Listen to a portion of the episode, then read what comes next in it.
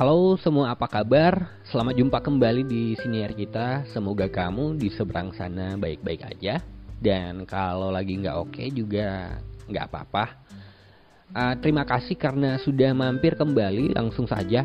Aku pengen mengajak kamu ngobrol tentang Zero to One Buku yang ditulis oleh Peter Thiel. Ini sahabat baiknya Elon Musk Yang kemarin ngeprank kita lewat uh, crypto ya ini buku aku baca karena direkomendasikan oleh Nasim Nicholas Taleb, pengarang favoritku untuk 2-3 tahun belakangan ini.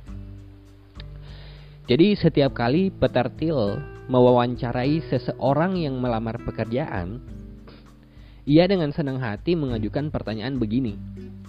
Apa sebuah kebenaran yang penting bagi kamu tapi jarang disepakati orang lain?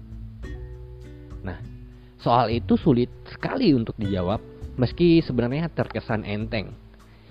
Pertanyaan itu sulit dijawab secara intelektual karena pengetahuan yang diajarkan sekolah pada umumnya membuat kita berpikir seperti kebanyakan orang. Nah, pertanyaan itu juga sulit dijawab secara psikologis karena siapa pun yang menjawab harus mengatakan satu pendapat yang ia tahu tidak populer. Pemikiran cemerlang itu langka memang. Tapi menurut Peter Thiel, orang yang berani itu jauh lebih langka daripada orang jenius. Jawaban yang bagus dari pertanyaan itu mengambil bentuk seperti ini. Kebanyakan orang percaya kepada X, tapi yang benar adalah kebalikan dari X. Jadi cara untuk menjawab apa kebenaran yang penting bagi kamu tapi jarang disepakati orang lain itu dijawab dengan kerangka seperti tadi. Uh, berani berpikir tidak populer atau memetik kebenaran yang terbalik dari apa yang diyakini banyak orang merupakan motor penggerak disrupsi. Jadi disrupsi ini istilah lainnya apa ya? Gelombang penghancuran kreatif. Jadi kalau dulu kita bertransportasi ya, moda transportasi itu adalah kuda lewat disrupsi, gelombang penghancuran kreatif Tenaga kuda diganti dengan tenaga uap, tenaga uap diganti dengan misalnya pesawat. Mungkin juga suatu hari nanti kita akan e, bertransportasi pakai teleportasi misalnya, alat teleportasi gitu. Ada portal untuk berpindah dengan sekejap mata. Uh, inilah inti dari judul buku Zero to One, 0 ke 1. Setiap momen disrupsi hanya terjadi satu kali. Penerus Bill Gates tak akan membuat sistem operasi. Penerus Larry Page dan Sergey Brin tak akan membuat mesin pencari. Penerus Mark Zuckerberg tak akan menciptakan jejaring sosial digital. Jika kamu meniru tokoh-tokoh itu, kamu tidak menarik pelajaran apa pun dari mereka. Jadi justru disrupsi itu hanya terjadi satu kali. Kalau ada Microsoft Word uh, uh, yang lain misalnya yang diciptakan selain Bill Gates itu sudah bukan dis disrupsi lagi gitu. Kalau ada apa ya? Microsoft misalnya ganti nama jadi bukan Microsoft. Nah, itu bukan uh, apa ya? Itu bukan disrupsi itu. Nah, Til berkata, tentu saja meniru itu lebih mudah ketimbang membuat sesuatu yang baru.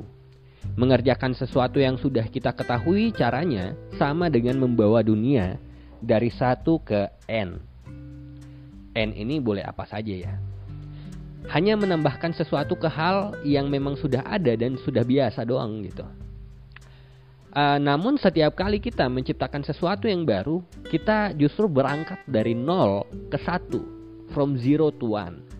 Proses penciptaan atau disrupsi adalah momen menghadirkan sesuatu yang segar dan tidak lazim. Nasihatil yang penting berbunyi begini.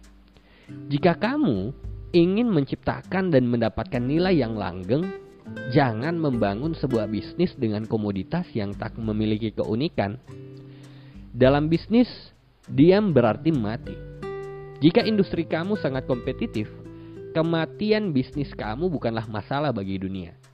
Beberapa pesaing lain yang sama-sama tidak istimewa akan selalu siap untuk menggantikan kamu. Penekanan til terhadap keunikan membuat saya teringat Purple Cow, karya Seth Godin. Ini buku pertama yang saya baca tahun ini. Godin memberi cerita tentang seorang anak yang tumbuh di kota dibawa bapaknya Mudi ke pedesaan. Kali pertama melihat seekor sapi, anak tersebut sangat riang dan kegirangan melaporkan kepada sang bapak. Ayah, sapi ayah, coba lihat sapi itu. Kali kedua melihat sapi, anak tersebut masih sama antusias. Kali ketiga melihat sapi, sang anak sudah tidak seantusias sebelumnya. Dan keempat kali dan kelima, anak tersebut sudah merasa biasa aja. Sampai akhirnya anak tersebut melihat sapi berwarna ungu. Bukan hanya sang anak yang kaget dan ribut menyaksikan sapi ungu, sang ayah pun terkejut penuh antusias. Bahkan sang ayah itu sampai turun terus uh, selfie dengan sapi ungu tersebut. Sang ayah itu bahkan lebih terkejut terhadap sapi ungu lebih daripada keterkejutan anaknya waktu pertama kali melihat sapi. Nah, uh, keunikan memang merupakan prinsip penting untuk mereka yang mau bergelut dengan dunia disrupsi. Dalam konteks buku ini, dunia startup. Keunikan dan keberanian untuk memegang kebenaran yang tak banyak disepakati orang merupakan pondasi dari kemajuan umat manusia saat-saat ini. Ketika kita berpikir tentang masa depan, kita sesungguhnya mengharapkan kemajuan yang terdiri dari dua bentuk. Jadi di sini Peter Thiel itu membagi dua jenis kemajuan ya. Ada kemajuan horizontal dan kemajuan vertikal. Kemajuan horizontal atau kemajuan ekstensif itu artinya meniru hal-hal yang sudah jelas berhasil. Nah, ini yang dimaksud dengan pergi dari satu ke X. Kemajuan horizontal misalnya pergi dari satu boleh ke dua atau ke 1,5 atau boleh ke tiga gitu ya. Nah, kemajuan horizontal mudah dibayangkan karena kita sudah tahu seperti apa kemajuan itu. Sedangkan kemajuan vertikal atau kemajuan intensif berarti mengerjakan hal-hal baru pergi dari 0 ke 1. Kemajuan vertikal lebih sulit dibayangkan karena mengharuskan kita mengerjakan sesuatu yang belum pernah dikerjakan orang lain. Apabila kamu mengambil sebuah mesin tik, kemudian membuat 100 buah mesin tik yang sama, berarti kamu mencapai kemajuan horizontal. Apabila kamu mempunyai sebuah mesin tik, kemudian membuat mesin pengolah kata word processor, berarti kamu meraih kemajuan vertikal. Intinya adalah di keunikan atau kebaruan. Meskipun itu adalah kebaruan yang tak lazim. Salah satu perusahaan yang berhasil mendorong kemajuan vertikal adalah Google. Perusahaan rintisan Sergey Brin dan Larry Page itu tampak sebagai mesin pencari. Sampai Mei 2014, perusahaan itu menguasai sekitar 68% pasar pencarian. Pesaing terdekatnya itu misalnya Microsoft dan Yahoo masing-masing mempunyai 19% dan 10%. Jika itu tidak terkesan dominan, pertimbangkanlah fakta bahwa kata Google sendiri sekarang sudah menjadi kosakata resmi dalam Oxford English Dictionary sebagai sebuah kata kerja. Jadi tidak usah menunggu itu terjadi pada Bing kalau kata Thiel ya. Ini sudah apa ya? Uh, pasar ini sudah dikuasai oleh Google dalam hal pencarian. Google merupakan perusahaan yang berwajah ganda Anggapan ini wajar sebab selain mesin pencarinya, Google membuat puluhan produk perangkat lunak lain, masih ditambah mobil robotik, telepon Android, dan peranti sandang. Namun 95% pendapatan Google berasal dari iklan mesin pencari. Iklan memang tidak hadir untuk membuat kamu langsung membeli sebuah produk ya. Iklan itu hadir untuk menanamkan kesan-kesan tersamar yang akan mendorong penjualan di kemudian hari. Siapa pun yang tidak dapat mengakui pengaruh iklan dalam dirinya sendiri sama ter, sama dengan terkecoh dua kali kata Til. Uh, memang juga dalam Black Swan ya, Nasim Taleb itu menyebut Google sebagai salah satu bentuk Black Swan. Tapi Black Swan itu nggak melulu misalnya bencana, WTC 2001 atau krisis global 2008. Ada juga Black Swan yang positif dan Google adalah Black Swan itu. Tiap disrupsi adalah Black Swan yang positif disrupsi yang tak terduga yang berkontribusi besar pada umat manusia.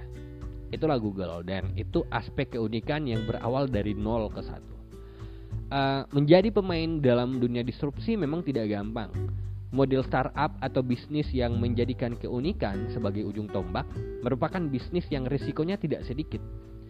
Penuh dengan ketidakstabilan, ketidaktahuan, dan keacakan yang entropik.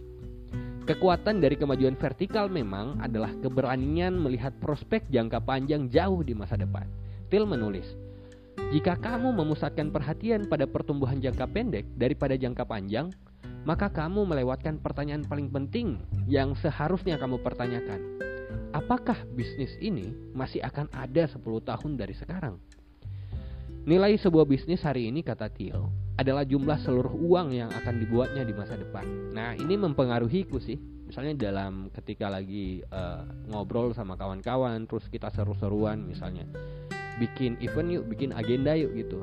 Nah, aku langsung berpikir, uh, 10 tahun ke depan apa yang akan terjadi kalau misalnya kita mau serius menggarap ini gitu. Misalnya membangun komunitas 10 tahun ke depan apa yang akan terjadi kalau misalnya komunitas ini sudah terbentuk gitu. Uh, karena nilai dari apa yang kita pikirkan dan apa yang kita songsong hari ini itu adalah nilai secara keseluruhan untuk apa yang akan kita panen di masa depan gitu ini membantuku untuk apa ya, lebih prospektif ketika melihat sesuatu gitu. Salah satu yang mengesankan dari Till adalah cara berpikirnya yang terbalik dari cara berpikir kebanyakan orang. Sebagaimana rumus yang ia utarakan di awal ya, kebanyakan orang percaya kepada X, tapi yang benar adalah kebalikan dari X. Ketika industri.com mengalami penurunan dari tahun 2000 sampai 2002, Para pengusaha yang masih bertahan itu memetik empat pelajaran besar dari keruntuhan.com. Buat kemajuan bertahap, nah ini uh, pelajaran penting yang mereka raih ya. Jadi ada satu, kemajuan bertahap, dua, tetap ramping dan fleksibel, tiga, tingkatkan persaingan dan empat, berfokus pada produk bukan penjualan. Pelajaran tersebut justru telah menjadi dogma di dunia startup mereka dengan yang dengan sengaja mengabaikan dogma tersebut dianggap mengundang kiamat seperti yang pernah terjadi dengan keruntuhan dahsyat tahun 2000. Kendati demikian, prinsip-prinsip yang bertentangan dengan itu menurut Till barangkali lebih tepat. Jadi uh, Till itu justru mengambil prinsip yang berkebalikan dengan dogma itu ya. prinsip Till begini. Satu, lebih baik mengambil risiko dengan berani daripada terjebak melakukan hal yang tak penting Dua, rencana buruk lebih baik daripada tak ada rencana sama sekali. Tiga, pasar yang kompetitif menjauhkan kita dari laba.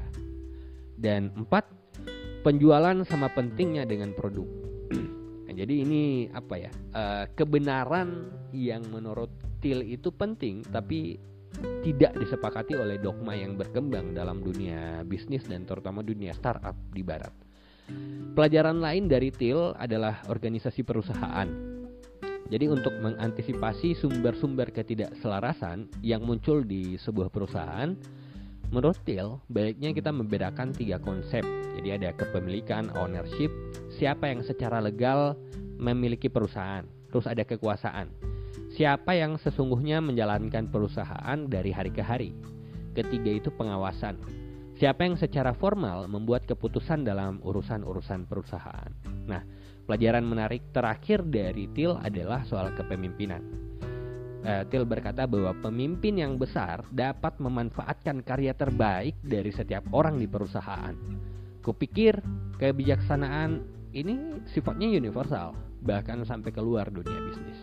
Nah, itulah buku berjudul Zero to One Peter Thiel ini buku yang bagus sekali terutama untuk kamu yang sedang uh, sedang pengen hidup menyerempet bahaya alias tidak mau jadi PNS ini buku yang menurutku sangat sangat sangat memberikan stimulus energi yang sangat besar ya. Pokoknya itu deh.